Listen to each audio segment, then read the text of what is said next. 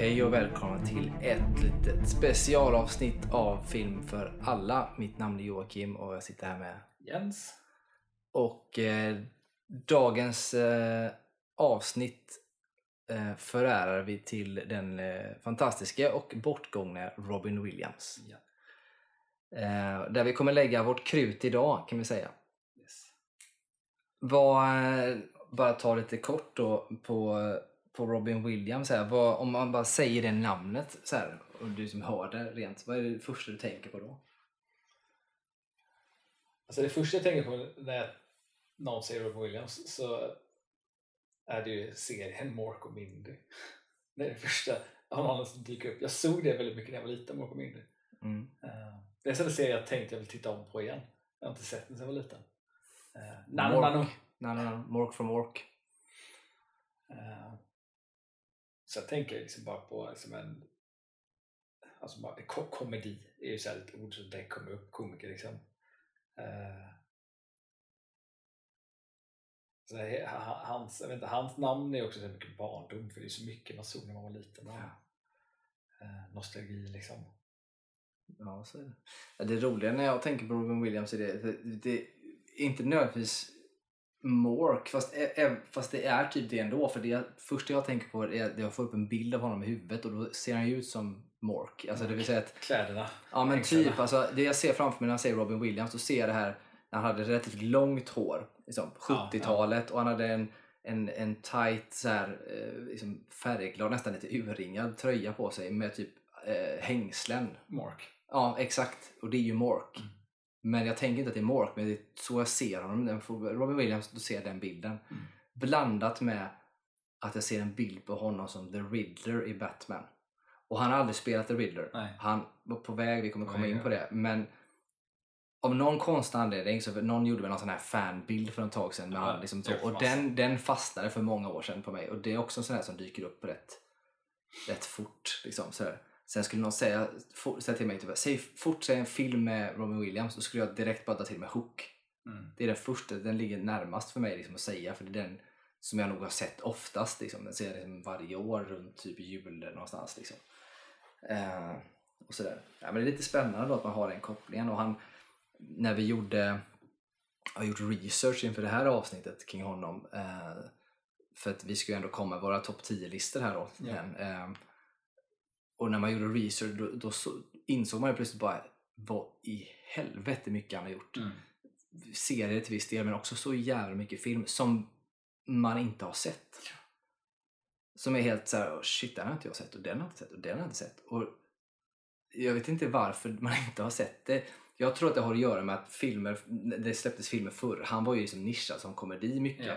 Vilket gjorde att det var det som kom till Sverige. Det var det man uppmärksammade och såg Ja. på ett helt annat sätt. Man liksom lanserar inte en, en, en thrillerrulle med, med, med Robin Williams i Sverige på samma sätt. Liksom. Eh, sen ska man också säga att många filmer han är med i och det är också vanskligt, det kommer ju vara topp 10-listor sen för där är det ju lite sådana men alla filmer han är med i är ju inte nödvändigtvis han som spelar huvudroll heller. Nej. Utan han är med och gör en väldigt bra liksom, roll.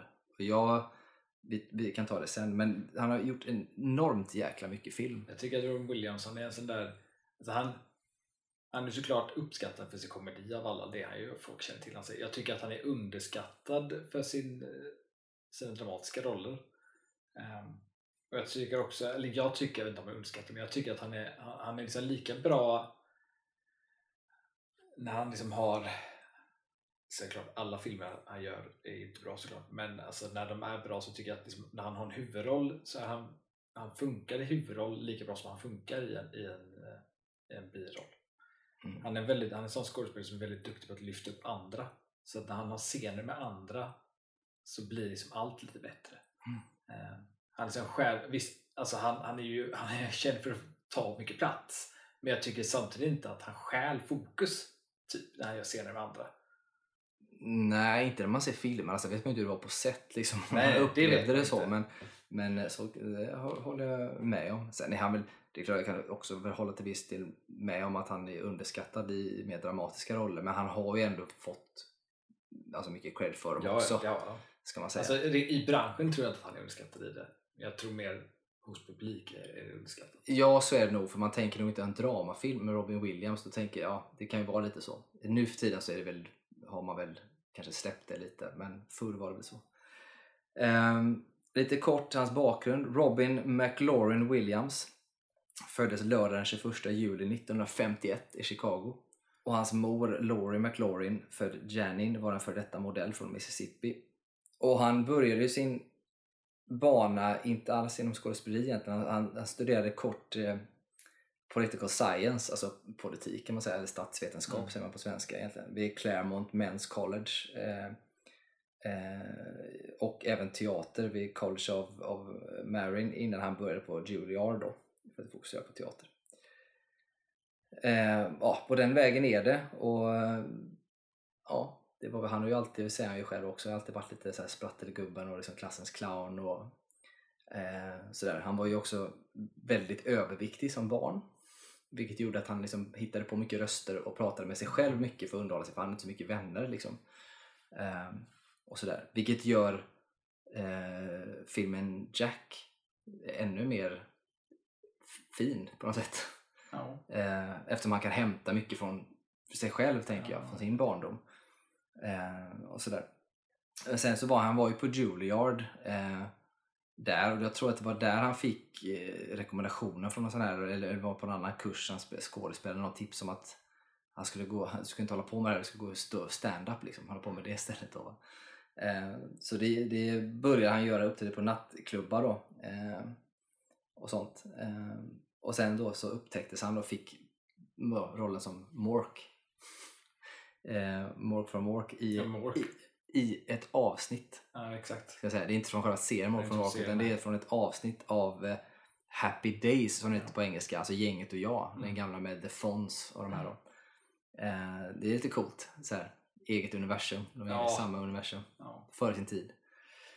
Ehm, och sen så fick han då den här spin-off-serien på det sen då. Vilket är lite, lite coolt. Sen gjorde han sin debut som huvudrollsinnehavare i filmen Karl Alfred, eller Popeye, Just det, han gjorde Popeye. Den 1980. såg jag när jag var liten. Ja, så är det. Ehm, så att han har gjort massa saker där och han har ju då eh, spelat in så mycket film så det går inte ens att rabbla upp alla. Men han har ju liksom gjort mycket eh, komedier, men han har också gjort sig liksom känd som dramatiker och sådär och blivit nominerad till en Oscar för bästa manliga huvudroll i, i Good Morning Vietnam, som du inte gillar. Eh, Döda på ett sällskap och eh, Fisher King. Jag gillar Good- Good Morning Vietnam. Jag tycker bara inte den var så bra som jag trodde. Nej, så kan det vara. Eh, och även Döda på ett sällskap och Fisher King då som jag sa. Och sen eh, vann han ju till slut en Oscar för bästa manliga biroll då i eh, Good Will Hunting. Mm. Helt enkelt. Eh, så därför är det. Sen är det ju hemskt då. Han har gjort mycket film som helst. som jag har. Ja, Aladdin, Välkommen Mrs Doubtfire, Jumanji, Flubber, The Bicentennial Man, eller 200-årsmannen som heter på svenska. Eh, han har haft rösten i, i Robotar, den filmen, Happy Feet. Han har spelat kort i Natt på museet. Han spelar Teddy Roosevelt tror jag. Mm.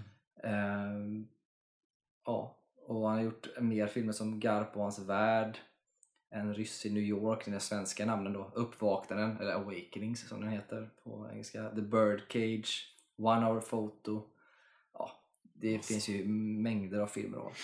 Sen var det ju så då, 2014, den 11 augusti, så hittades han död i sitt hem i Tiburon i Kalifornien. Och det är ju i närheten av San Francisco då. Ehm, och det var ju hemskt i sig. Han hade ju drabbats av en sjukdom visade det sig då. Eh, som heter Elvslus syndrom eller liknande. Va? Ja, Det är likt Alzheimers. Ja, alltså man säger ju att det är så att det, det, man ser ofta tecken på att, det, att man brukar missta det för Alzheimers och eller Parkinson. Mm. För att det är samma, alltså, och det tänker man att menar, Parkinson är illa nog, Alzheimers är illa nog. Det här är alltså någonting som drabbar alla de här bitarna. Mm. Alltså du är svårare att röra dig, svårare att tala, du kan hallucinera, du får det här. Det blir liksom, går ganska fort dessutom. Han hade tydligen ganska grav, eh, liksom fått, gått fort utför så att säga. Så att det, det jag kan känna tröst i, även om det är hemskt, alltså på alla sätt och sådär, man tänker att det är en sån människa, men så var det ändå en tröst i att det inte var alltså helt självvalt på det sättet. För alternativet hade ju varit att han hade bara levt plågsamt som fan. Alltså det hade ju varit fruktansvärt. Mm. Så att han gjorde ju inte det för att han var liksom olycklig på livet utan snarare för att det här inte skulle gå för honom. Liksom. Det var inte värt det på något sätt. Och för alla omkring och sådär. Ja, man vet ju inte, alltså, man vet väl inte 100% alla faktorer. Alltså, Nej, det är han- klart man han, inte Han, vet. han eh, strugglar ju hela livet med djupa depressioner. Ja, ja, så är det såklart. Självmordstankar och sånt där. Så, så är det ju Och det där hjälper för de allra flesta tänker jag. Men jag tror ändå att han pratade rätt mycket om sånt där under sin karriär Ja. och stötte mycket. Jag tror ändå att han hade kommit över den här gränsen så han hanterade nog rätt bra. Alltså han, han hade nog bli, lärt sig det med alla år. Men jag tror att det här var ändå någonstans ett, eftersom han ändå haft det i sig så var det Ja. kanske inte ett så långt steg i det här läget men det är också ett förståeligt steg. Det var liksom inte så att han drabbades av en eh, total setback i hans karriär, att han är deprimerad så, utan det var ju någon, en sjukdom som man kan nästan förstå det för att det verkar fruktansvärt hemskt, den här biten. Det var intressant där att han, vad han studerade innan där, för det tycker jag att man, man det märks i hans komedi, speciellt i hans stand-up och sånt där, och hans sketcher och sånt där. Alltså han är ju rätt ändå samhällskritisk och Ja, det är han ju. Han, han hade ju stora eh, idoler bland annat. Väldigt intelligent. Eh, ja, men en som hette eh, en idol han hade som eh, Jonathan Winters, jag vet inte riktigt vem det är, men det var, eh, har han alltid sagt är en av hans stora idoler. Men den andra han har som stor förebild är Richard Pryor. Och Richard Pryor Ja. i sin tur är ju väldigt samhällskritisk och sådär. Och det är också Eddie Murphys eh, stora idol och sådär. Så det, man kan ju känna igen det. Ja. Eh, även om Robin Williams Alltså tittar man på tidigt Robin Williams när han eh, gjorde stand-up så är det klart att han också är liksom vulgär och han kan vara lite ekivok och hålla på med Mm. liksom så här, såna, liksom, eh, sånt som kanske var lite tabu på den tiden. Men han är fortfarande inte lika så illa som typ Eddie Murphy var i, i Raw till exempel. nej, nej, nej. Och sådär, eller som Richard Pryor var för den delen. Så han är lite mer barnvänlig även om man kan bli förvånad över att han har sagt vissa av de sakerna han gör när man sen ser honom spela i typ flubber eller liknande för Mm. barn. För att han har sagt väldigt barnovänliga grejer då. Sen är Eh, det en annan sak, en koppling jag har till Robin Williams som inte har med film att göra, det har med spel att göra. Det är att han var ju ett jättestort fan av Zelda-serien. Han älskade ju Zelda. Något Mm. otroligt. Han döpte ju sin dotter sin dotter till Zelda, ja. Precis. Han döpte ju också sin, eh, sin son efter ett tv-spel också. Eh, som jag nu inte kommer ihåg vad det var. För det var ju Zelda där, för det är hans andra dotter. Eller hans andra barn menar jag, hans dotter. Eh, ja just det, för då var det ju Princess Zelda från Zelda-spelen och sen då eh, döpte han sin son till Cody efter Cody från Final Fight. Mhm. Eh, då. Vilket man, lite så här roligt. Det finns mycket intressant med honom. Delvis så har han ju spelat mycket så här pen and paper eh, brädspel och rollspel och sånt. Vilket jag tycker det är väl inte så konstigt i och för sig. Men det gjorde han ju en del också. Och sen eh, eh, var han ju också ett fan av eh, japanskt tecknat. Mm. Överhuvudtaget. Han gillade ju eh, det, det som vi känner till som eh, eh, Neon Genesis Evangelion. Alltså Mm. var han stort eh, fan av till exempel. Eh, vilket jag tycker är lite coolt. Vet du att han gjorde ju som inte var, det var inte jätte, det var rätt nära en på om det var ett eller två år innan han, eh, han dog. Eh, gjorde han ju de här, tror det var reklam för, det var ju Zelda-reklam när han och hans dotter var med Mm, mm, mm. som jag tror var kopplat till 3DS.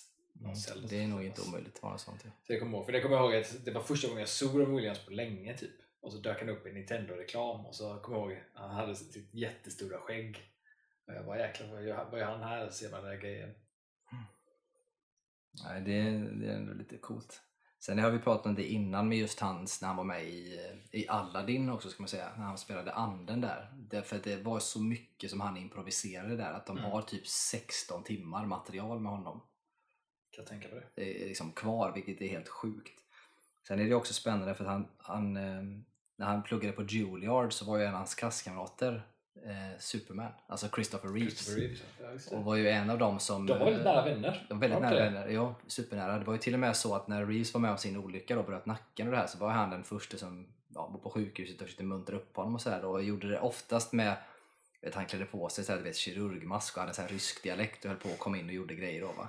Och fick eh, Reeves att börja garva och då sa ju Christopher Reeves det sen efteråt att han, det var ju första gången han skrattade efter olyckan. Mm. Och tack vare Robin Williams då. Ehm, så att det, och han höll på mycket med sådana saker vilket jag tyckte var eh, så fint av honom på något sätt. Och sen var det också när han fick den här rollen som Mork där när han skulle eh, göra eh, casting för den så hade ju den producenten då, Gary Marshall som var producent, hade bett honom att sätta sig ner så här, när han skulle komma in och provspela då. Så han sätter sig ner. Och då hade ju Robin Williams liksom ställt sig med huvudet på stolen eh, istället. Och då hade han, enligt Gary Marshall själv då, eh, eh, anställt honom och sa att han var den enda utomjordingen som hade provspelat så det var därför han fick rollen. Liksom. Och det känns väl också väldigt typiskt eh, honom att Ja, bara liksom, ja. här fullständigt balla ur. Det är lite grann så, jag kan ju se så många paralleller, inte, nu är det inte riktigt samma grej, men jag kan ju se så många paralleller till svensk idag, alltså Per Andersson idag. Som han, han går liksom lite outside, han gör liksom gränslöst nästan hela tiden. Det är väl lite så Robin Williams också jobbade, så nästan så gränslöst. Och många grejer han gör ibland är inte, är inte roliga. Det, det kan så, han bara kör på, kör på, kör på. Det är inte alltid roligt. Utan man bara känner, shit vad håller han på med? Sen men till slut blir det roligt. Antingen så hittar han något som är kul eller så blir det bara roligt för att han är så mycket liksom. Jag har, vet, jag såg, eh, du vet vem Adam Savage är från Mythbusters? Jajamän. Han eh, eh, hade en liten anekdot om Robbie Williams eh, som han träffade. Han träffade honom flera gånger, men det var första gången han träffade honom var på inspelning av eh, ja, det var Bicentennial Man när Adam Savage var i i eh, prop-avdelningen där. Eh, och då hade han ju stött på honom och där hade han ju då sett eh, intresset Robin Williams hade liksom för att hålla på och pilla med grejer och sånt där och, och, annat eh, som inte bara hade med skådespeleriet att göra. Så eh, han kunde liksom, det var ju någon gång han också hade liksom hittat Robin Williams stå och hålla på och liksom faktiskt liksom fixa med props där inne. Bara för att han tyckte att det var kul. Det var liksom inte något han behövde göra alls. Det var bara att han tyckte han trivdes och var det och tyckte det var kul. Att han liksom hade massa frågor till dem och sånt där. Så att han, han verkar ju vara väldigt, en person som är väldigt enkel att, att ha att göra med. Alltså väldigt jag vet inte, allting jag har hört nu är det klart, folk pratar ju väldigt fint om folk när de är så kända och att de har gått bort och allt sånt där men det är sällan jag hör någonting att det är någon som pratar om att de har någon så dålig erfarenhet av honom.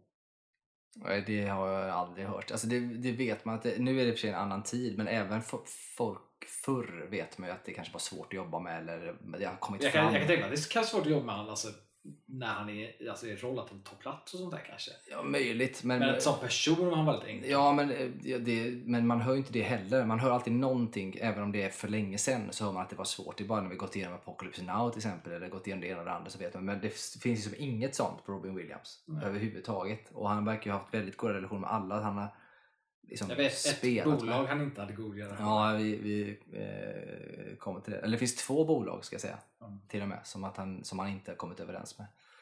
Eh, Det jag känner till är ju Disney. mm, det finns ett till, eh, och det är Warner Brothers. För Disney, där vet du att det var ju det grundades ju i Aladdin. Precis, och det här tangerar lite grann det som vi pratade om förr, alltså vad- på, vad var det då? För, vad blir det då? Ja, någon podd sen när vi nu spelade in, eh, när vi pratade om manusförfattare och deras rättigheter och sånt. När vi hade det avsnittet eh, på nyhetssidan. Eh, just med betalning och så vidare. Då? Och det var ju lite det som oroade honom från början när han gick in och skulle göra rösten till eh, anden här. Ja. Ja, men de, de lovade ju saker Disney och så, så vet jag att han ville ju inte heller att hans namn skulle heller inte promotas för filmen. Hade de kommit överens om. För att han ville ju inte att folk skulle se den som Robin Williams utan han ville att folk skulle bara se. Men det struntade ju Disney i. det var dags för marknadsföring att promota hans namn. Ehm, så det gjorde ju det surt med han och Disney ett tag. Och sen vet jag att det var liknande saker som hände med Bicentennial Man som Disney eh, distribuerade tror jag. Ja, men det var ju lite, för, för vad man ser så var det då att han ville ju göra den här rösten. Han ville ju vara en del av animationstraditionen. Alltså han, han ville vara en del av, av tecknad film Mm. liksom på det sättet. Men så, eh, men så var han rädd att insatsen han skulle göra då skulle exploateras eh, kommersiellt. Lite grann som du sa, liksom, att det skulle synas för mycket. Så han ville hålla ner det. Så att, då kom de överens om att han ehm, då skulle, han accepterade en minimilön Mm. under förutsättning att då hans röst inte skulle användas eh, i filmens typ merchandise och att anden då inte skulle överanvändas i filmens reklam och sånt där. Mm. Och när då eh, Jeffrey Katzenberg som var chef på eh, Disney på den tiden bröt mot båda dessa grejerna så blev det eh, lite grinigt och så vägrade ju Williams att arbeta med Disney igen. Mm. Eh, och därför var ju inte han med som andens röst i eh, i vare sig Jafars återkomst som gjordes då 94 eller tv-serien Aladdin som gjordes eh, heller. Sen återvände han tror jag i den här tredje Aladdin-filmen. Precis, han kom tillbaka efter Jeffrey Katzenberg fick sparken eh, och den nya vdn Joe Roth offentligt bad om ursäkt till honom. Så kom han tillbaka och gjorde den här Aladdin och Rövarnas konung 1996. Eh, vilket jag tycker är... Alltså jag tycker ändå att det är bra. Alltså sätta ner foten. Har de brutit Ja. mot det så ska man ju inte eh, liksom, hålla på med några konstigheter. Nej. Man ska ju kräva sin rätt. Så jag tycker det. Och sen så är det ändå här, det också lite fint att, att han inte ville att han skulle synas så mycket. Att det skulle överexploateras hans grej. Liksom Mm. det är ändå ödmjukt på något sätt. Det är ju liksom en, en, en fin grej som någon har valt att köra över på något sätt. Då. Ja. Eh, så att, ja, det var lite, lite spännande faktiskt. Eh, han har gjort så jäkla mycket grejer så det, och gjort eh, liksom, så, jäkla mycket i sitt liv så det är svårt att säga. Det är en sak som jag, tycker är de absolut roligaste sakerna det är ju eh, i Mrs Doubtfire som är en sån här klassisk liksom, tale från Hollywood eller sådär. Och det är ju det här med löständerna. När de sitter på restaurang i slutet av ja, ja. filmen och han tappar löständerna under tiden. Det var ju inte någon beredd på. Det är inte manusskrivet eller någonting utan det är ju han som gör det. Mm. Bara, rent så. Eh, Jag tror eventuellt att regissören typ vet om att han ska göra det eller något sånt där. Eh, Men det är för att få dels casten och alla runt omkring den genuina reaktionen. Så det man ser på filmen när det händer, det är deras, är deras riktiga reaktion på när tänderna åker ut. Vilket är så jävla briljant på något Ja, sätt. jag vet att det är många, det är många regissörer som har, har sagt att de, när de har arbetat med Robin så har de alltid lärt sig att, att man ska aldrig stänga av kameran. Har de alltid sagt så här. Var alltid beredd med att filma typ. För Ja. man vet aldrig när, när, när han gör någonting gör någonting överhuvudtaget liksom. Men speciellt man vet aldrig när man får det här den perfekta grejen man, man vill ha liksom. Nej, men han var ju känd för i alla filmer han spelade in så var det verkligen så att han gjorde ju tag, han gjorde ju liksom scener på olika sätt. Ja. Med typ olika lines också varenda Ja. gång. Så det är lite halvvansinnigt om man är manusförfattare. Men vissa gånger så fick man ju säga till dem att hålla sig till det. Men ofta lät man honom få balla ur lite och Ja. göra saker. Då, va? eh, där vet jag att under Mork-serien då, eller Mork och Mindy som de hade, då eh, vet jag att de, han, han höll på att improvisera så mycket hela tiden där. Att de till slut slutade skriva. De bara sa att här, här, här kan Mork balla ur. Alltså, de skrev typ så i manus och så lät de bara honom här, här kan du göra vad du vill. Typ. Och så höll de sig korta andra. Alltså, det här måste du säga men här får du utrymme till att balla ur. Liksom. En rolig sak som jag vet eh, också är ju när ha- han och eh, Bill, Billy Crystal heter han? Eller Mm, Billy Crystal, ja. De har ju spelat de- in Father's Day, ja, ja. eller sån där film tillsammans tror jag. Ja, och när de, när de, de har ju gästspel i Vänner-serien. Ja, Eh, i- och den scenen är ju, så, är, är ju så rolig just för att den är improvisation. Och där skulle ju egentligen inte de, de skulle ju inte säga något egentligen. De skulle inte ha en, en, en konversation egentligen. Utan de skulle bara bli ett gästspel och vara där typ. Som en gästspelsgrej. Den, den är så briljant. Sen bara improviserar de och så är det ju då skickligt av vännercasten att, att, att anpassa sin dialog till det. Och att det de, för de hade egentligen saker de skulle sagt där. Monica säger ju bara att eh, skitsamma, vi, så här, vi måste lyssna. Men de gör det på ett sätt som känns väldigt så här, vänner och passar in och känns som att det är skrivet. Ehm, och det är ju så här klockrent exempel på både skickligheten av, av Robin Williams men också Billy Crystal som, som går med på det och hur de gör en scen utav ingenting. Liksom. Men jag tycker, för den är ju svinrolig. Den är så jävla bra. Alltså det, det är en sån där, här, om man inte vet om det så vet man ju inte att det är improviserat. Nej. Tänker man ju inte på. Men det är ändå så här när de sitter där och... Sen så kan man ju tycka att hans porträttering av den här mannen som han gör är ju... Alltså det är inte alltid politiskt korrekt Nej. man säga. Men, men det är ändå, alltså de gör det så skickligt. Både Ja. Billy Crystal och Robin Williams gör den så jävla bra. Och sen så är jag också så sjukt imponerad av att de i casten dels lyckats hålla sig Ja. för jag tänker mig att när de börjar balla ur där, om man sitter och tittar på den tiden, så, alltså att, man, att man håller sig är Ja. fan svårt. Och sen att man bara liksom finner sig i det, så det är ändå, får man ändå ge dem. Också en eh, jävligt cool grej. Eh, sen är det lite kul också för att en, en koppling till Francis Ford Coppola, så här, lite halvspontant, är ju ändå att han var ju delägare i restaurang, Robin Williams. Mm. Och då var han delägare i restaurangen Rubicon. Den fanns på två ställen. Den fanns i San Francisco och den hade han tillsammans med Robert De Niro. Och sen hade han den i Bay Area med Francis Ford Coppola. Det tycker jag är lite spännande med tanke på att vi pratat en del Coppola här nu Ja, på sistone. Ehm, så att den eh, tycker jag är lite spännande. Sen har han också haft på sig mycket roliga saker för sig. Under en, i en tidig del av sin karriär så hade han en intervju med en journalist där han påstod då och sa att han var född i Skottland. Eh, och detta eh, gick ju ut liksom. Och så var det så här ursprungliga pressmeddelanden som fanns och sådär listor och hans liksom Skottland som hans födelseplats och alla sådana här saker. Då, va? Sen så ett tag senare så erkände han att det inte var så, att han eventuellt var lite påverkad under den tiden han hade den här intervjun med den här journalisten. Då. Vilket tycker jag också var jätteroligt. Då. Eftersom han egentligen är född i Chicago. Och eh, ja, Sen har han ju då, han är stor fan av Doctor Who. Han är stor fan av Star Trek. Var han ju också. Eh, och, sådär. och sen var han ju också en serietidningsälskare och då vi då kommer in på det här med, med, med Batman då. Eh, för att han, den andra som han blev griniga på, för Disney var ju första. Mm. Och sen var det då att eh, han älskar ju serietidningar så han accepterade ju eh, erbjudandet att spela Jokern i Batman. Mm. Eh, efter att Jack Nicholson var tveksam till rollen.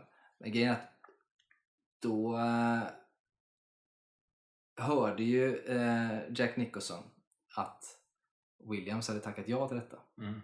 och blev inte så tveksam längre utan då ville han ha den själv. Och då valde man att gå på Jack Nicholson istället. Då. Och det är väl kanske på ett sätt, alltså på ett sätt tycker jag inte att man gör så överhuvudtaget. Har man fått en roll så har man ju fått så. Men Jack Nicholson var ju kanske då mer liksom, prominent skådis på något sätt i att få in det. Så att man kan ju förstå det också. Um, Ja, men speciellt med inriktningen filmen tog. Alltså för den, i, I den tiden, jag kan tänka mig alltså från ett producenthåll, att när inriktningen blev som den blev med den här filmen när de hade satt Tim Burton som regissör, att då ha Michael Keaton som var känd kom, kom, komediskådespelare och Harvey Williams som är komedi och så har man två av huvudkaraktärerna är, är komiker liksom. Eh, och bakgrunden till Batman innan har ju varit 60-tals eller 70-talsserien där med Adam West. Då, då hade ju det förmodligen gett kanske lite fel bild av projektet för publik. Ja, så kan det ha varit. Och sen så är det ju fortfarande, alltså Jack Nicholson gjorde ju det bra också så man ska ju inte Ja. vara sån. Men det var ju där någonstans då när Nicholson skrev på detta så släppte ju Warner, Warner Brothers då Williams. eh, Williams. Mm. Och då blev han ju grinig för att han kände att han hade använt som ett slags påtryckningsmedel Ja, ja. för att få in Nicholson i den rollen. Och då eh, vägrade han jobba med Warner Brothers i flera år tills de också då bad om ursäkt till honom. Eh, och så vidare då. Så att där ser man. Sen har han ju också en spännande sak som att han var ju, tanken var att han skulle vara medverka i Star Trek The Next Generation. Tack vare att Whoopi Goldberg spelar ju med där i och hon hade tipsat honom om att de liksom, var med här. Mm. Så att han skulle ju varit med där eh, och spelat den tidsresande professorn Burlinghoff Rasmussen. Eh, där i då. Men eh, det blev en schemakonflikt då eftersom Hook spelades in samtidigt. Ah, okej. Eh, och det var lite synd då. Och han inspireras att söka då tack vare just Whoopi Goldberg som spelar den här Gwinan, Gwinan, Gwinan eh, bartendern där. Mest intressant av alltihop det var ju att han visade intresse för att spela Riddler i Batman Forever. Alltså efter allting hade hänt och så. Där då. Eh, och var en favorit bland många fans för att göra det. Och det var det jag menade att jag har sett en sån bild i efterhand på hur det skulle se ut och så vidare. Eh, och det liksom var typ på väg tills Joel Schumacher tog över projektet Mm. och eh, ändrade lite konceptet. Liksom, lite. Annars hade vi kanske haft en reader där. Och sen det absolut roligaste av alltihop, att han övervägde, jag säger inte att han var nära nu, men han övervägdes i alla fall för rollen som Hagrid i Harry Potter. Ja men det, det, det vet jag, det, det tror jag till och med att Chris Columbus har, faktiskt sagt rakt ut. Att Ja, han har ju jobbat med han- honom innan, Ja, att- han, att han, han ville ha han i det för att jag har sett en intervju och att han tänkte det men det var ju, han åkte ju bort på grund av att J.K. Rowling vill ju bara ha brittiska skådespelare. Ja, ja, så kan det ju absolut vara. Men det är ändå en spännande tanke på att se honom som Hagrid. Jag hade haft... Alltså, det hade ju varit självklart idag om det hade blivit så. Men idag så känns det väldigt märkligt. Eh, så. Eh, så att, ja. Sen är det ju då... sista sakerna. Hans favoritband är eh, den brittiska rockgruppen Genesis. Eh, det var hans favoritband och han eh, gav dem, eh, så här, han introducerade dem när det var så här VH1 Rock of Honors eller Rock Honors 2007. Eh, han hade ju också delat en scen med sångaren och trummisen i gruppen Phil Collins i Hook, där han är med lite grann. Mm. Eh, lite roligt. Han är också god vän, eller var då, eh, med eh, Chevy Chase. Kanske där, där efter han gick bort som Chevy Chase ballade ur kanske. Ja, men eh, vi dyker väl in på vår eh, topp 10-lista. Och då vill jag höra, vad säger du? Hur har du tänkt på din lista? Eh, jag har tänkt... Min lista är, är liksom eh, främst liksom utgångspunkten min, mina liksom favorittolkningar av Robin Williams. På något sätt, liksom. Där, roller jag tycker han har gjort, gjort bra. Och liksom, jag har också tagit liksom nostalgi in i faktorn i det också. Ehm, och liksom lite, lite också faktiskt liksom hur, hur bra jag också tycker filmen är i sin helhet. Liksom lite blandat, blandat skara sådär. Mm.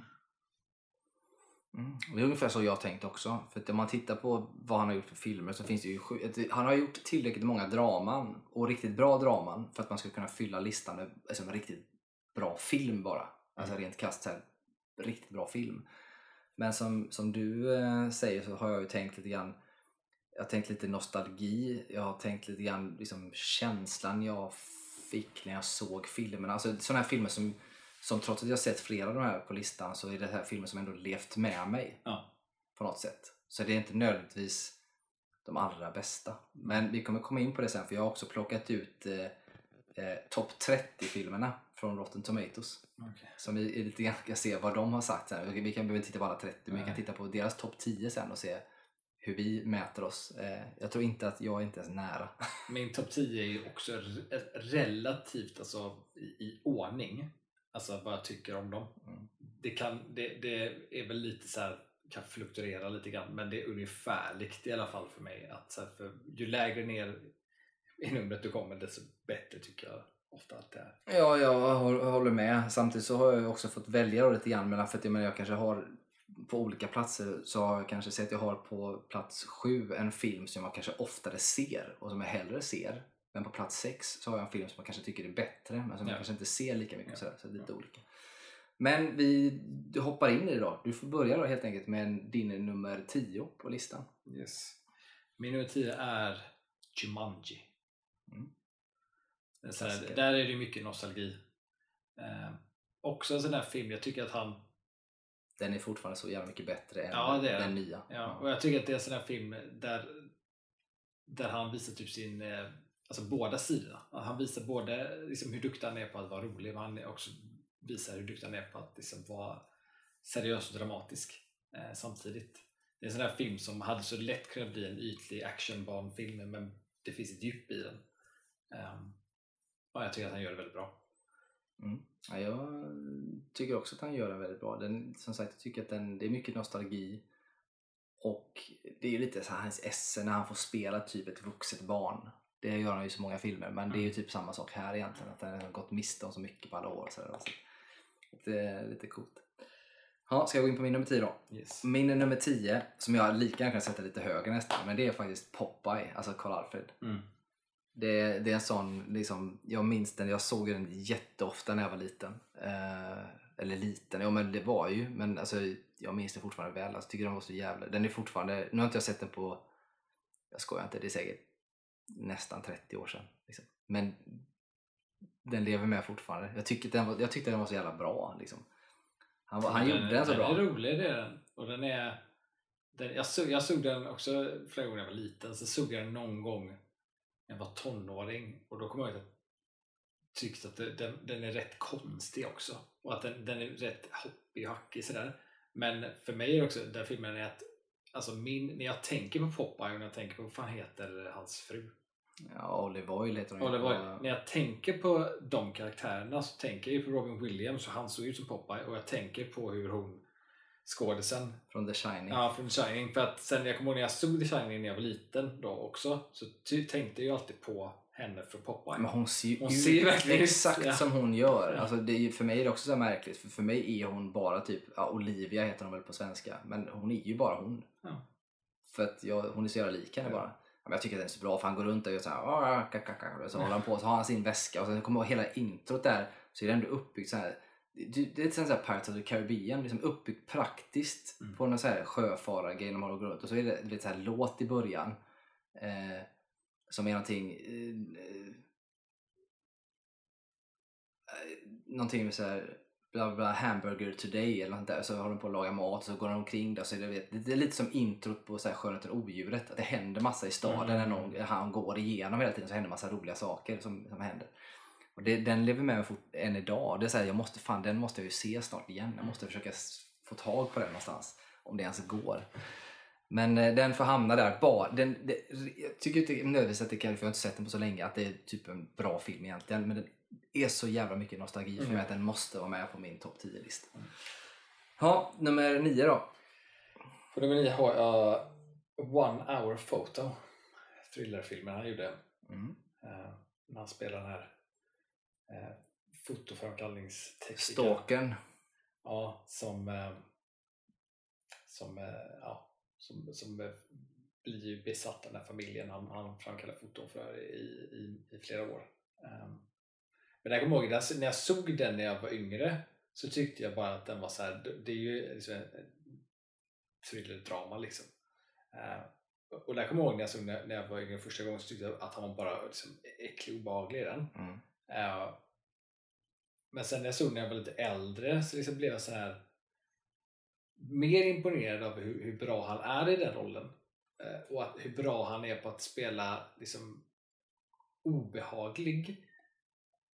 Men han är också tragisk. Det är liksom inte, Ja, han är på något sätt också så här, så här naiv och oskyldig eh, karaktär som, som egentligen inte vill något ont men det han gör blir ont. Ja, han är ju Eh, väldigt ensam människa. Jätteensam. Och, och jag hade liksom helt, när jag såg den sist hade jag helt glömt av eh, slutscenen i den. När han har det här förhöret med polisen och han, han, han, han har en liten så monolog över så att när han refererar till, för de vill ju veta så varför han eh, gjorde det han gjorde mot den här pappan i familjen. Mm. Och att han liksom går in på att han är en dålig man och en dålig pappa och att, att han pratar om att man ska, man ska inte låta barn göra något de inte vill. Man ska inte fota barn på sätt som inte ska göra och så sättet han gör den, det är väldigt subtil och han säger aldrig rakt ut men man fattar ju att den här karaktären har varit med om det. Och man ser precis djupet, det ärret som finns i honom, det utnyttjandet han har Ja, av sina egna det. föräldrar och att, han liksom, att hans mamma och pappa då förmodligen liksom både utnyttjat honom på alla möjliga Ja, det är sätt. möjligt. Men visst är det så att man inte... Alltså får, man får inte veta det om den familjen i filmen. Om vilken familj? Nej, men den han stalkar liksom. Om man får veta med den familjen? Vad Ja. menar du? Nej, men han pratar om det här i, i slutet, man ska inte göra detta. Och Ja, men det är ju refererat till hans egen barndom. Ja, vi har för mig att det är någon koppling till den här familjen. Eh, Kopplingen till familjen är att han, han ser, alltså han tycker den familjen är perfekt. Han vill ju egentligen vara en del av den familjen. Det är därför han sta, är, blir stakig. Eh, och han är ju bara stakig på det sättet att han sparar alla deras foton. Det är inte förrän han får reda på att pappan är. Otrogen, just det, så är det. Eh, och det är det som är liksom katalysator som gör att han, han vill han tycker han förtjänar inte frun och, och barnet. Och det är inte så att jag, jag tolkar det inte heller som att han, han, vill, han vill inte ta pappans roll. Han vill inte ta över utan han vill visa frun att han är otrogen. Mm. Vilket han gör och hon gör ingenting åt det. Vilket gör att han tappar liksom hela bilden av den familjen. som liksom att, att vem är, varför, varför vill hon inte tro på det här? Så att han gör liksom ännu mer att han ska då han, han tar sig in i Ja. den här pappans Ja, med, just det, just älskarinnan och fotar Ja, dem i sexuella ju- akter. Ja, ja, för det är ju det som är den grejen. Men han är ju oerhört tragisk den karaktären och som bara vill väl och som ser någonting som han har byggt upp som sin typ idol eller sin drömtillvaro. Den rasar ju i och med att Ja. den här pappan då är otrogen vilket är spännande. Nej, men den, är, den är bra. Också väldigt bra. Underskattad film faktiskt. Ja, det är det nog, skulle jag säga.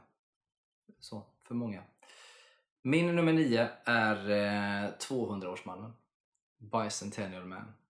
Också en sån här som jag inte riktigt förstår varför den inte är så... Alltså jag tycker också att den är superunderskattad. Ja. Eh, för visst att den kan liksom rent effektmässigt på något sätt kanske kännas B eller sådär. Men historien i sig är väldigt fin och jag minns det liksom... Så den lever upp, alltså effektmässigt lever den väldigt bra där, för den är väldigt praktisk. Jo men det är det jag menar med just hur han ser ut som robot, det är lite töntigt kanske. Förstår du vad jag menar? Eh, Så på det, att det blir... Men det är ju verkligen... Fatta, för den dräkten han har är superavancerad. Ja det, ja, det måste den ju vara. För den dräkten är, det är jätteovanligt att man täcker en skådis 100%. Mm. Ofta har man det, alltså joints och sånt är ofta annat material, men den är 100% täckning. Men det är ju en väldigt, den tycker jag återigen så här, för det är också en sån här bölfilm liksom. Ja. Egentligen. Den är ju väldigt fin, det är ju en Pinocchio-historia helt enkelt. Och återigen sånt där som både du och jag tycker om, men framförallt kanske du med just med vad, vad är robot och vad är mänskligt och sånt där. Och vi har pratat om det många gånger i podden om AI och sånt också. Det är liksom, tangerar ju ändå de bitarna. Eh, Jag tycker att den är väldigt fin och helt klart, helt klart en underskattad film. Som jag också hade kunnat sätta egentligen var som helst på listan nästan. Men eh, ja. Så den fick det bli. Mm. Har du som eh, nummer åtta då? The Fisher King. Mm.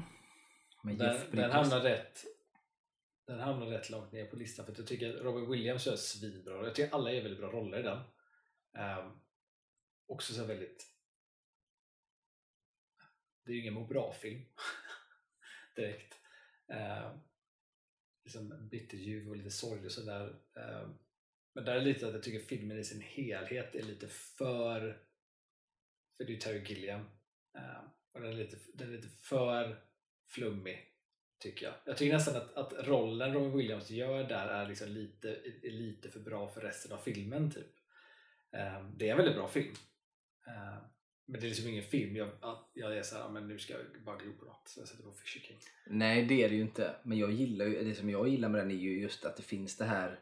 För den känns ju ändå, även om det kan kännas lite liksom flummig så sätt så är den ändå relativt så här i vår tid och alltihop. Men det finns ändå det här lilla elementet av någonting övernaturligt som man inte riktigt vet Ja.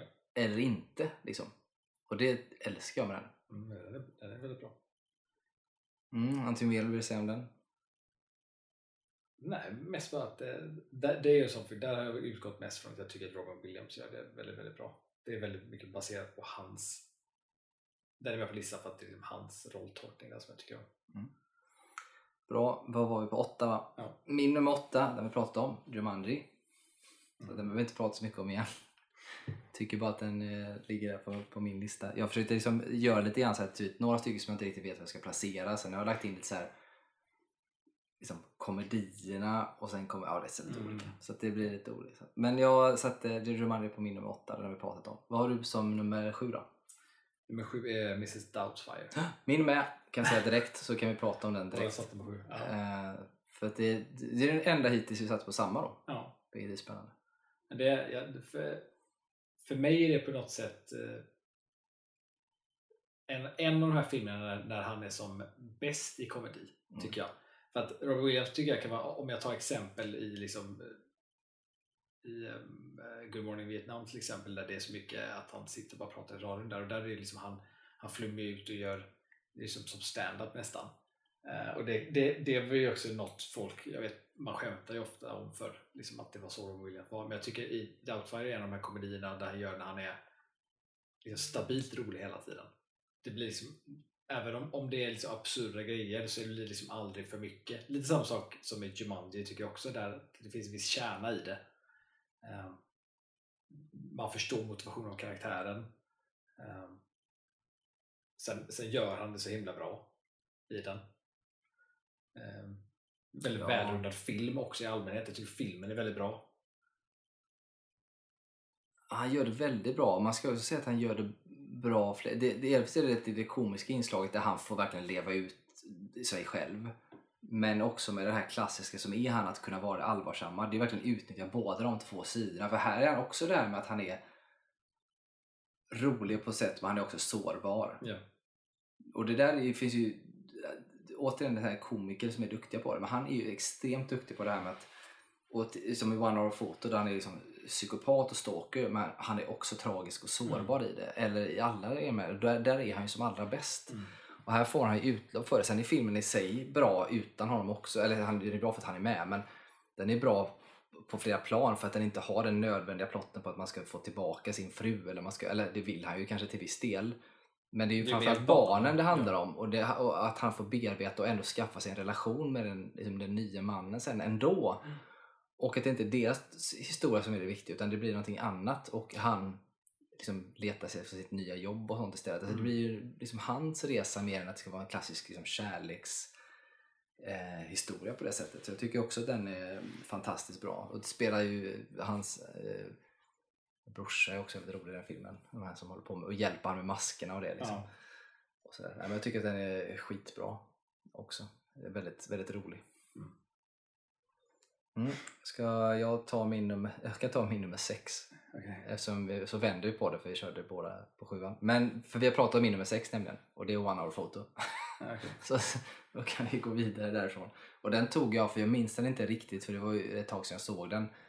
Men jag minns ju vissa scener och jag minns känslan från den. Och det var, jag tror att det var typ den första rollen där jag, där jag verkligen såg honom spela, alltså det var ju typ en thriller eller en skräck Mm. lanserades den som nästan i princip. Och det var ju den första filmen jag såg med honom som så. Och jag trodde att det här kommer ju vara jätte, kommer inte funka. Men så gjorde det så jävla bra. Mm. Han var så jäkla bra i den. Så att den får ligga där. Ja, tar vi din nummer sex då. Min nummer sex är Patch Adams. Och där, den är ju väldigt så här, jag har ju ingen nostalgi för den alls för jag såg inte den förrän jag blev äldre. Typ rätt nyligen. I sin helhet, jag har sett delar av den förut men i sin helhet såg jag den för bara typ några veckor sedan tror jag. Men den eh, tycker jag att det är, det är inte världens starkaste film egentligen. Det är en väldigt fin film, väldigt fin berättelse. Eh, Men det är en väldigt så bra blandning för mig för att det, är lite så här, ibland kan jag tycka att det blir lite för mycket med hans skådespeleri i saker. Men det är också den här karaktären lånas ju väldigt in för det. Alltså en läkare som liksom vill att folk ska må bra och, Han och, spelar, och ju, spelar. han spelar ju sig själv när han hälsar på Christopher Reeves. Ja men exakt Typ. ja. ja. Ehm, och, att det, det, det är lite, jag kan tycka det är lite mycket ibland men att det liksom det, det, det jämnar ut sig med filmens tyngdpunkt liksom, i Mm. att det är en väldigt seriös berättelse eh, och väldigt hårda, alltså det är tunga ämnen liksom, med, med självmord och, och viljan att leva och ha ork att leva och allt det där. Ehm, som också känns så himla mer påtagligt när man vet hur det slutar för honom och vad han själv har liksom gått igenom och sånt. Ehm, men väldigt, en väldigt fin film. Jag tycker att han gör väldigt bra. Också en sån här film, han skiftar väldigt bra mot att vara väldigt rolig och att vara väldigt liksom, seriös och tyst. Och gör, gör sådana scener, gör sådana förändringar liksom. Ehm, ja, men det är väldigt bra Mm. faktiskt. Det- Ja, det var din nummer sex va? Ja, eh, då får du fortsätta. Min nummer fem, för du kommer få fortsätta här. Min nummer fem är ju då The Fisher King, Mm. som vi redan har pratat om. Och det är ju för att jag tycker att den är så jävla magiskt bra. Jag minns fortfarande känslan jag fick, jag var jätteung när jag såg den, men eh, känslan jag fick just när man när det här lilla övernaturliga kommer in. Liksom. Mm. Man, liksom, för att man, Robin Williams kan ju tolkas vara någonting som kanske Mm. inte är, eller inte. Liksom, i det. Så den får hamna för jag tycker att den är så briljant och Jeff Bridges är bra i den också. Då får du gå in på din nummer fyra. Är min nummer fem. Nej, din nummer fem ja. Mm. Eh, The Birdcage. Mm. Lånta fjädrar. Ja. Den tycker jag, det- den tycker jag är så här. Jag vet inte, jag vet inte vad, vad, vad folk tycker egentligen om den. Jag vet inte hur mycket folk tänker på den. Men det är sån här, för mig, det, det är en av de här filmerna jag tänker på först när jag tänker på honom. Jag såg den flera gånger jag var liten. Tycker att den är jätterolig. Ehm, jag tycker också att den är så himla det är så vänligt koncept på något sätt. Att liksom, eller ett, ett bra koncept att liksom den här grejen att liksom ett homosexuellt par att det är då Robin Williams biologiska son ska gifta sig och allt det där och att de behöver det är konservativa föräldrar så att de ska liksom låtsas och då är det Nathan Lane där Som spelar hans make. som Ja. han spelar som make som ska då spela hans fru för att de ska försöka vara ett heteropar för när de träffar eh, hans, deras sons svärföräldrar liksom, eller framtidens svärföräldrar Ehm, jag tycker det- den är liksom rolig. Den, är också så här, den, den har liksom ett djup man kanske inte riktigt är beredd på alltid. Också så här väldigt mycket så här familj, familjevärderingar och Den är ju samhällskritisk. Ja, jättesamhällskritisk. Eh, också så här att jag tycker att jag vet inte riktigt vad folk tycker om den idag när folk är så himla känsliga med det här med eh, så här, vilka som ska representera vilka och sådär. Nathan Lane han är ju homosexuell. Eh, På riktigt ja. på riktigt, ja. ja. Robin Williams är ju inte det, eller var inte det. Ehm, Men jag tycker att det är också så här, man har ju sett Robin Williams göra, göra homosexuella stereotyper förut i sketcher och sånt där. Jag tycker inte att han är väldigt tillbakadragen i den här filmen. Han är inte stereotyp på det sättet tycker jag. I så fall är ju Nathan Lane extrem stereotyp. Ja, Nathan Lane, han är ju sån. Alltså, det är ju han. Han är, han han är ju sån. sån liksom. ja. han, han är ju stereotypen av det som person. Um, han spelar sig själv. Och Nathan Lane är också sådär, han kan jag tycka är lite för mycket ibland. Uh, men i Birdcage tycker jag att han är väldigt bra. Och jag tycker att de har väldigt, väldigt bra, Han gör sig bra. dynamik. De har sjukt bra dynamik. De är ju så jävla bra. Och jag håller med dig där att Robin Williams är... Han känns ju fortfarande som att han spelar alltså, homosexuell, om man nu kan säga så egentligen. Så här. Men det är inte alls på det här som man är van att se honom. Nej. Utan- det det men- roliga i den filmen är att Robin Williams är ju, är ju the straight man, alltså, som man säger när man var komedi straight man. Han är ju den Ja, som, är... Ja. som Nathan Lane är bollplank mot. Ja, Nathan Lane är ju exakt. liksom komedin på något sätt. Och att, att bollplanket är seriösa är Robin Williams, Mm. vilket speciellt för den tiden gjordes ju väldigt såhär, okej, Robin Williams kan väl alltid ta den största komedin liksom så. Eh, Jag tror att de driver lite grann i den också just med att de här, inte skäms men att de är lite så här att de pratar om att varför kunde inte vår son vara homosexuell? Alltså, Ja. att det, det är ju en sån rolig vändning på det att de, de tänker likadant som de konservativa Ja, exakt, gör ja. fast, så här, fast de säger lite halvskämtigt sådär. Men det tycker jag är en sån rolig liksom, det är ganska långt före sin tid på något sätt. ja. I det. Ja, den är bra. Det var din nummer fem eller? Eller fyra? ja. Nej, fem ja. Då är det... Då kan du köra, köra din fyra då. Min fyra är eh, Aladdin. Mm. Och den är ju eh, med på listan för att det är en av de mest klassiska Robin-roller tycker jag någonsin. Det, det är Robin när han är som mest Robin. Ja. Fastän att det är inte, visst Anne ser lite ut som honom men det är inte han. Alltså det är bara hans eh, spel hans Det är ju. Will Smith som... Precis. Eh, Anders ser ut som Will Smith numera. Så att jag tycker eh, ja, jag tycker det är klockrent. Och, och, och också tala så mycket för hur, hur stark han är eller var i den typen av liksom roll. Att, att den filmen Aladdin blev ju som den blev för att han var med. Mm. Det hade inte varit samma sak om han inte var med. Nej. An anden som spelas då, The Genie, är ju så mycket prata, improvisera, göra Ja. saker och det är ju i princip baserat på det han bara improviserar fram. Vilket som sagt 16 timmar extra liksom, inspelat. Eh, det är en, en av de här tillsammans med Patch Adams som jag liksom inte har med. Jag har med liksom, flera som jag inte har med på den här listan som gör ont att jag inte har med. Men jag har blivit tvungen att göra en lista. lite. Ja, det är hemskt. Kill your darlings. Mm. Eh, så. Men det var din eh, Fyra. fyra, ja. Eh, min fyra då, den har vi faktiskt inte pratat om och det är Dead Poets Society.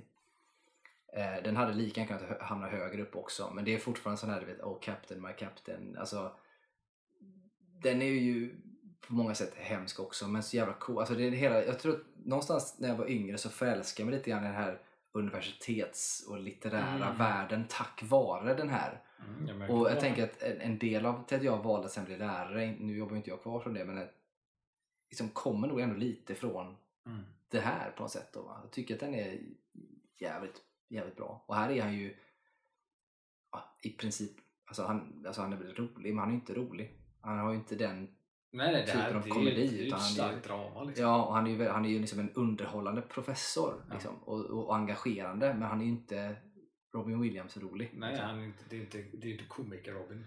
På det sättet. Och det är också en sån här film som jag tänker att det är många av de här som jag har listat på den här listan nu som jag känner att jag hade, när man pratar om det så fan jag vill se om dem. Jag hade behövt se om många, så här, inte för att jag behöver se om dem utan för att jag ville se om dem. Ja. Det är inte alla man känner så med. Så att, eh, nej den får hamna på fyra. Society är en riktigt bra film alltså. Ja, jag tycker den är bra. Eh, Den som sagt hade lika kunnat hamna högre upp. Jag tror att hade jag nu har jag som sagt liksom, lite grann Kill Your Darlings jag har också tänkt lite grann utifrån liksom, hantverket och filmmässigt och så vidare. Så att, hade jag gå, bara gått på mitt egna personliga, helt verkligen bara sådär, då hade nog kanske hamnat till och med lite högre upp. Mm. Eh, tror jag. För den ligger typ, alltså de, liksom, ja. Titta på listan. Det är så här, de tio, skulle, vilken som helst skulle kunna hamna på första plats liksom, eller på något sätt. Men eh, den hade absolut kunnat hamna lite högre också. Men den tycker jag i alla fall är bra. Din nummer, nu kan vi ta min nummer tre, det var så jag tänkte. Ta min nummer tre, för vi nämligen pratat om den redan. Mm. Och det är The Birdcage. The Birdcage. Lotta fjädrar. Det är min nummer tre. Och jag håller med om allt där. Den är briljant. Också en film som jag jättegärna vill se eh, igen. Mm. Det känns som att den hade varit kul att se faktiskt. Kanske man ska försöka leta reda på idag. Undrar om den finns någonstans. Ja, vi får se. Så att, eh, tar jag min nummer tre. Då får det vara din nummer tre nu då. Min nummer tre är uh, Bicentennial Man. Oh, då kommer det där alltså. Ja, den, den hamnar högt för mig på grund av eh, mycket av temana. Det är ju sådana teman jag Ja, tycker det om. var det jag tänkte. Jag tänkte att den skulle komma men så, så passerade vi lite där vid fem och Ja. tänkte att nu Men det kanske... också, jag såg om den för inte så länge sedan för att jag var sådär, hur mycket nostalgi är det egentligen? Så här, vart skulle jag placera? Eh, men när jag tittar om på den, alltså jag tycker fortfarande att alltså, den, är, den är, var liksom bättre än vad jag kommer ihåg den. Det- Jag tycker att han gör så jäkla bra insats i den. Ehm, och han är inte alls, han är ju rolig i den här filmen, men det är ju liksom komiker-Robin, det är, han, han, det är ju liksom en seriös roll med liksom seriösa och tunga ämnen egentligen. Ehm, Den är ju... den hade kunnat vara, den, den hade kunnat få vara lite längre. Jag skulle kunna till och med säga att det Ja, den är inte så lång, va? Den är typ, Typ 1,40 antar jag. nej den är nästan, nästan två tror jag. Är den det? Ja. Men det är också så här att, att jag tror det är Chris Columbus som har gjort den. Jag kan tycka till och med att, att det är lite fel regissör. För att han- hans sätt att göra film är ofta lite mer så här, Typ Jumanji. ja men det är lite på ytan liksom. Jumanji, Harry Ja. Potter. Ja. Eh, och jag kan tycka det, alltså hade man haft en regissör som hade varit mer, mer så för Chris Columbus har ju själv gått och sagt typ att Bicentennial men skulle han nog inte ha gjort egentligen. Det, det, var liksom, det hade förmodligen behövts någon som var lite mer inriktad. Ska jag säga en, he- en hemsk, jag ska inte säga en hemsk sak, det är inte en hemsk sak. Men jag tycker ju, eh, för jag såg, Bicentennial Man kom ju och sen kom eh, eh, AI, Artificial Intelligence, Ja. filmen med Haley Joel Osment i, eh, som är, det är en Spielberg-film. Mm. Jag, Som skulle varit en Kubrick-film. Ja, precis. Jag tycker ju... Det är ju samma teman i princip på dem. Och AI är, är bra också, men jag tycker att Bicentennial Man är liksom... Jag tycker att den är bättre än AI. Ja, jag tycker det är mycket bättre. Eh, och, och det känns, jag kommer ihåg när jag såg, liksom, såg de här när de först kom, då tyckte jag ändå att AI var typ som en, nästan som en rip-off på Bicentennial Man-grejen. För Inte riktigt, men Nej. jag kände att Bicentennial Man gav mig liksom mer på något sätt. Den var Ja. bättre. Jag tycker också jag är så imponerad av alltså just när han är en maskin, för det är ju en maskin, han blir ju människa då till slut. Eh, Men hela den här, när han är liksom en robot och spelar en robot när han inte har några uttryck överhuvudtaget. Det enda de kan göra är att de kan lyfta hans ögonbryn i början. Det är kan göra. Men ändå så är det någonting man inte kan ta på som lyser igenom. Mm. Det är, liksom, det är superintressant att bara se en close-up på hans ansikte fast att det händer ingenting där. Mm. Men i kontexten de sätter upp så jag tycker den är, den är, är jag det, tycker den är så jäkla bra och, och varje gång jag ser den så lipar jag. Ja, det, ja gud ja, det gör man. Det är sådana saker jag vet att jag kommer göra om jag ser den. Men där är det ju, eh, det gör man ju, det ska jag säga också, typ så här R2D2 och C3PO. Det är också sådana klassiska som de får ut mycket av trots att man inte ser Ja. någonting. Det, någonting gör man ju bra ibland på de där. Eh, jag tycker att den är väldigt bra. Och det är verkligen en sån intressant historia. Liksom, det är 200 år och det är verkligen gå från att försöka förstå sig själv och, och bara göra sitt jobb till att helt plötsligt börja liksom förstå vad det innebär att förlora någon och att tycka om någon och sen älska någon och sen vad det innebär att vara medveten och sen vad är att vara människa. Alltså du vet, Ja. det, är, det är så Det bra är- trådar ja, som det går genom hela filmen. Liksom. Och det är inte så här att bara, åh han lär sig älska på ett år. Alltså, Nej. utan det är ett lång tid och så här stadigt uppåt. Man förstår, det finns liksom en röd tråd hela tiden mellan att man kan förstå varför han lär sig det eller Ja. blir så. så jag tycker den, Det är lite där, det är därför jag tycker jag hade, jag hade gärna kunnat se den lite längre. För att jag tycker att det är så intressanta grejer de går igenom så jag hade gärna velat se mer av det. Ja, och sen just att när man liksom inser vad det är att, liksom, att ändå älska någon och sakna någon och hur han gör. Alltså det, det är en Jag tycker, liksom, det bra, finns ju, jag tycker också att eh, de gör ju så himla bra för den här kvinnan han då blir förälskad i är ju då barn, Barn- barnet barn. till hans första ägare. Eh, Och jag tycker de gör så himla bra utveckling där som, som man köper i för att när de träffas första gången så tycker de inte om varandra alls.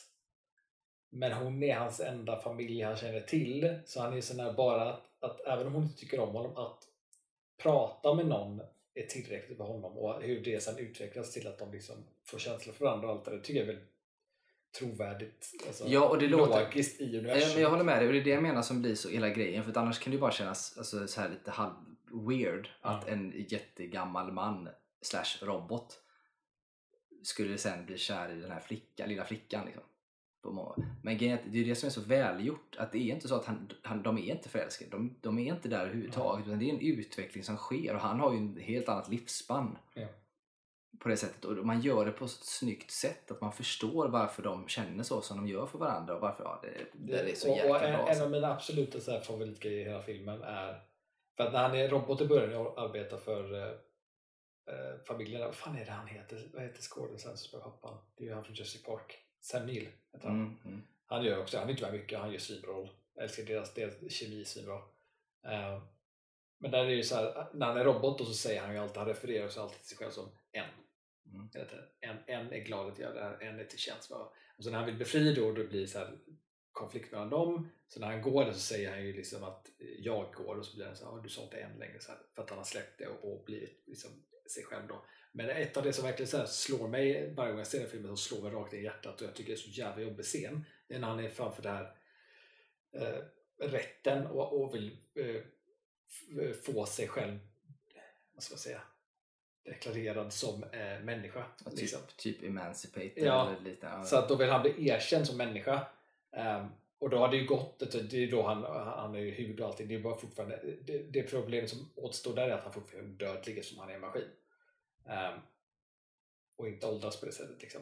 Ehm, så när han står där och de säger att det sl- avslås, och så säger han repliken One is glad of being, being in service. Alltså, Mm. Så går han därifrån, men han åt den där. Han bara direkt går tillbaka till den en. Det är precis, och, det bara så, och den tycker jag, när han gör det och sätter han gör det på, det är så jävla starkt. Ja, det är sjukt bra. Ja, den är faktiskt jäkligt bra. Återigen, den kan också hamna högre upp på min Ja. lista. Det som är problemet. Jag kan ta min nummer två för den har vi pratat om. Mm. Eh, och det är Dead Poets Society.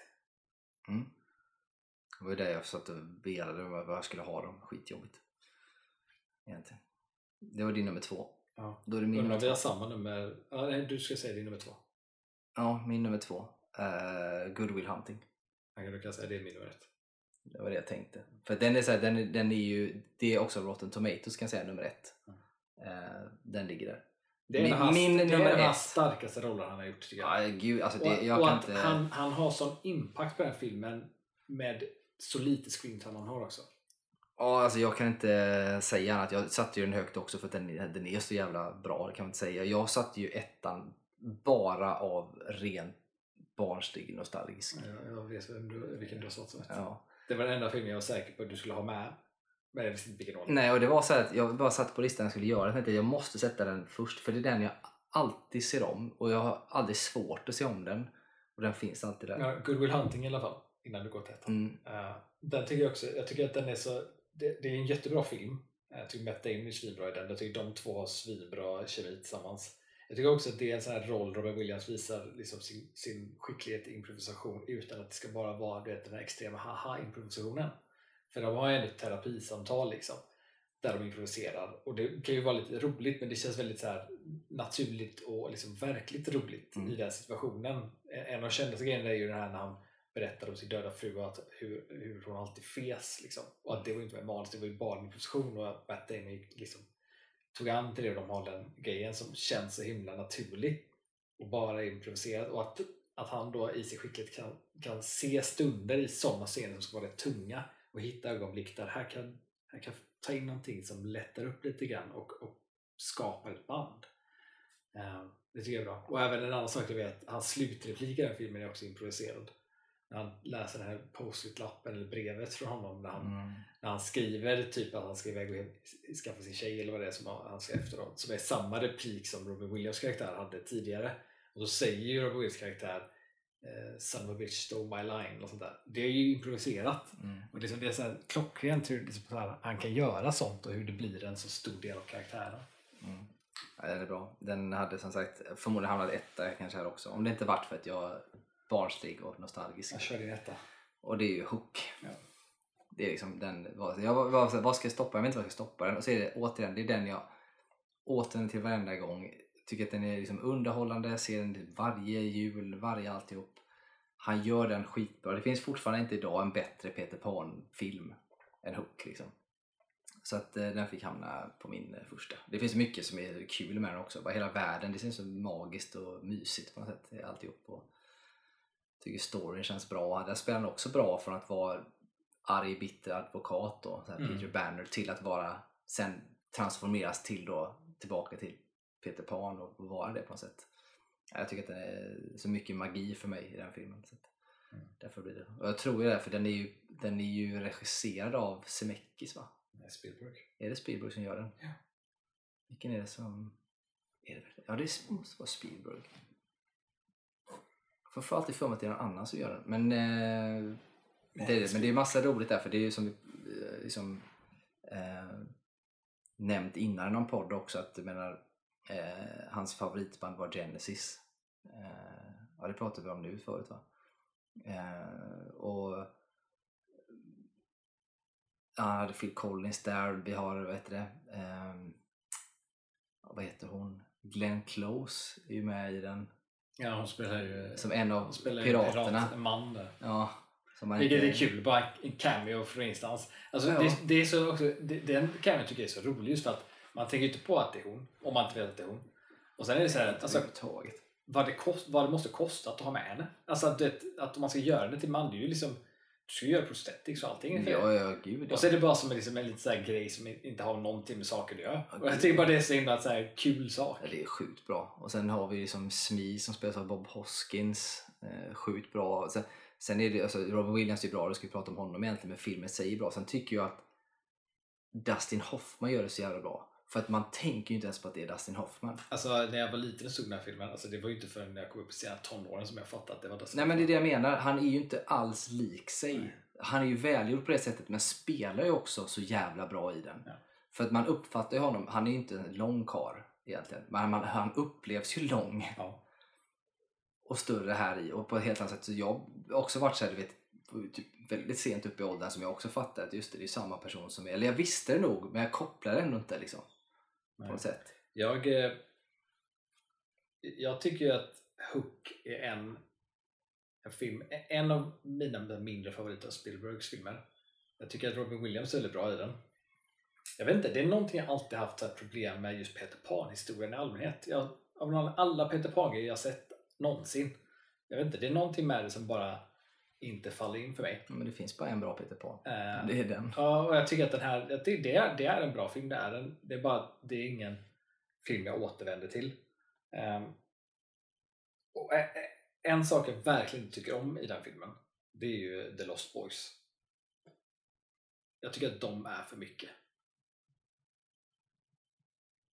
Mm. Det kan jag till förstå i och för sig. Fast, Det är som, ja. det är som så här, vet, om man tittar på The Goonies. The Goonies är nästan, alltså jag tycker det är en bra film men den är nästan jobbig att titta för att det är så mycket. Ungarna är så mycket i den. Men där funkar det också tycker jag för att de är så karismatiska det gänget. Jo, jo. Och jag tycker att The Lost Boys har lite den här kaoskänslan som The Goonies har. Fast inte lika bra som The Goonies har. Och därför tycker jag att den delen i Hook, jag gillar inte den. Jag fattar vad du menar, typ, men jag känner nog inte riktigt samma ändå. Jag tycker att den inte funkar. Och det, för det är en sån sak, så jag kan ju störa mig på, alltså karaktären nu pratar jag om, inte något annat. Jag kan störa mig på karaktären Rufio. Så att han är Ja. töntig så här och så här. Men varje gång han dör i filmen så mår jag dåligt liksom. Jag tänker varje gång, det är lite, lite samma sak som varje gång jag ser eh, Episod 3 i Star Wars. Mm. Alltså, eh, vad heter den? Revenge of the Revenge of the Sith. Sith. Varje gång jag ser den så hoppas jag att Anakin... Jag vet, man vill att man Alltså, sitter där varenda gång. Varenda sitter man där, gör ett annat val. Gör Ja, men det är annat val. varenda gång så ser man, och man vet ju att det kommer inte hända men man sitter ändå där bara, nej men den här gången så kanske det är så här. Och det är samma sak med Bruford, så här, men den här gången kanske han inte dör. Du vet, så här. Det är så för mig varenda gång. Sjukt. Det det. Men men, det är ju som sagt, det var de filmerna och, alltså, och det här, då har vi ändå bortsett. Jag har inte haft med Patch Adams till exempel, vilket är hemskt. Jag funderade också på typ så här, vad heter det? Ehm, vad heter det? Night at the Museum. Men det tog jag bort, alltså jag tycker att de är underhållande och bra. Och jag tycker han gör det bra, men det är också så att han har ingen stor roll. Han gör inget specifikt i Nej. dem. Sådär. Eh, så att den, de har ju också försvunnit då. Va? Sen finns det mä- mängder av filmer som man inte har nämnt som är, också är väldigt bra. Då. Jack är också väldigt fin. Han gör det väldigt bra i den. Liksom. Men, eh, sådär. Men eh, innan vi avslutar ska vi ta och titta lite grann på Rotten Tomatoes. Eh, vad de har sagt. Deras, det finns ju flera och många av dem som vi har på vår lista. Vissa ligger på topp 10 men vissa ligger precis utanför. Mm. Alltså mellan, mellan typ 10 10 och 16 eller 10 och 20 Mm. kanske man kan säga. Men de har på sin eh, tionde plats har de eh, Insomnia. Mm. Den, den, den tänkte jag sätta där jag hade One Photo. Exakt så tänkte jag med. Eller så tänkte jag så här att jag kan inte ha med båda två, tänkte jag. Mm. Och så tänkte jag att då- måste jag med One Photo för det var den som hade störst impact på mig som jag såg, den första liksom av dem. Men den ja, är och också det var också den bra. jag kom ihåg bäst. Ja, men jag vet att Insomnia är också, men den är också väldigt bra ska säga. Ja. Men den är på, på nummer 10. One Hour Photo ska jag säga, den är på nummer 11. Så att de är ju där. Eh, nummer 9 har de eh, Moscow on the Hudson. Mm. Den har jag inte sett, Där. men eh, den ligger där. Sen på åttan så är The Birdcage. Mm. Sen har vi... Och sen så är det olika med den här eh, alltså procenten för det är lite lurigt med när de har tittat för det, det finns ibland, lis- listan består lite grann av att de har alltså inte riktigt rättat till ibland tror jag för att det står eh, liksom, och vissa årtal har de gjort avstämningar så Mm. den kanske fått högre så Ja, det kanske ligger ja. två gånger på en lista och så vidare. Eh, men så här ser det ut i alla fall. Vad sa jag nu på nummer åtta? Mm. The Birdcage. Mm. Eh, sju, The Fisher King. Mm. 6. The World According to Garp. Och det är en sån här som jag har sett men jag minns den fan inte överhuvudtaget. Inte. Det är Garp och hans värld heter den ju på svenska. Liksom. Ehm, den är där. Sen på nummer 5, och det här är också en sån här som gör lite ont att man inte hade med, det är Awakenings Den har jag inte sett. med Robert De Niro. Den är ju... Alltså tänk dig Patch Adams fast ut, utan humorn. Ja. typ, den, är ju, alltså, den är ju tung men den är väldigt bra. Mm. Ehm, Det är den han spelar, han spelar advokat alltså. Nej, han spelar... Men han på något sätt hjälper väl. Ja, men han spelar typ om det är sjukgymnast eller någonting. Ja, det kanske- eller läkare. det- Det, är något sånt han är där. Något, sånt, minns inte riktigt. Men den är väldigt bra i alla fall vad jag minns. Ehm, och fyra, då har vi Good Morning Vietnam.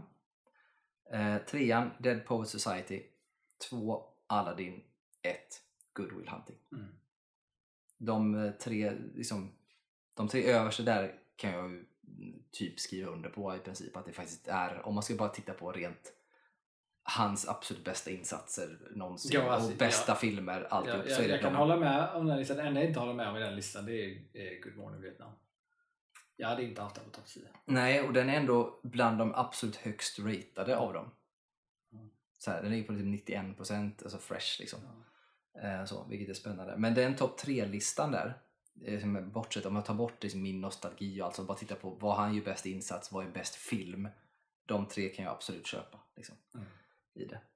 Sen som sagt har vi Hook till exempel som jag Vart 15. Bicentennial med? Eh, den Jag ser är... fel folk har. Eh, ska se här, för jag valde ju bara att ta ut de 30. Ja. Eh, och den är är inte ens med på 30? Nej, Ja, men då tror jag att det är en sån underskattad film folk inte har sett. den är inte ens med på 30. Vilket jag tycker också är jättemärkligt faktiskt. Ska jag säga. Fan vad dåligt. Men sen som sagt så är det, det kanske är här för du vet, det står massa skumma för den, det är gjort på den jäkla vänster här med jag tror att de har gjort det med så här critic score sen med audience scores och sånt här. Och jag, jag vet inte fan hur det funkar riktigt. Mm. Nej, alltså jag vet, jag bara till och med, det, det var ju ingen, det var ju en flopp när den kom, det vet jag ju. Ehm, det var inte många stycken som såg. Nej jag vet och det är också jättemärkligt tycker jag. Det är så. Ja, för det här är ratingen på enligt kritikerbetyg som ser ut så här då. Mm. Sen om man tittar, skulle titta på audience score då kanske det är någonting helt annat. Ja. Eh, kan jag tänka mig. Och då tror jag att det finns flera som skulle hamna högre upp. Till exempel. Jag tror dock att topp tre fortfarande typ kan vara Ja, men det tror jag också. kvar. Eh, så det är de. Sen har han gjort lite Adventures of Baron Munchausen till exempel. Mm. Som är också en sån där gammal som man minns från förr. Father's Day. Toys, som du inte gillar. Vart ligger Toys? Vilken? Toys ligger på. Ja, fast den är... Den ligger på 19 här, men jag vet inte fan om den stämmer riktigt. Men den ligger på 19 plats här. Alltså det, det, jag tycker fan att det är pinsamt att Toys är på listan och inte Bicentennial med.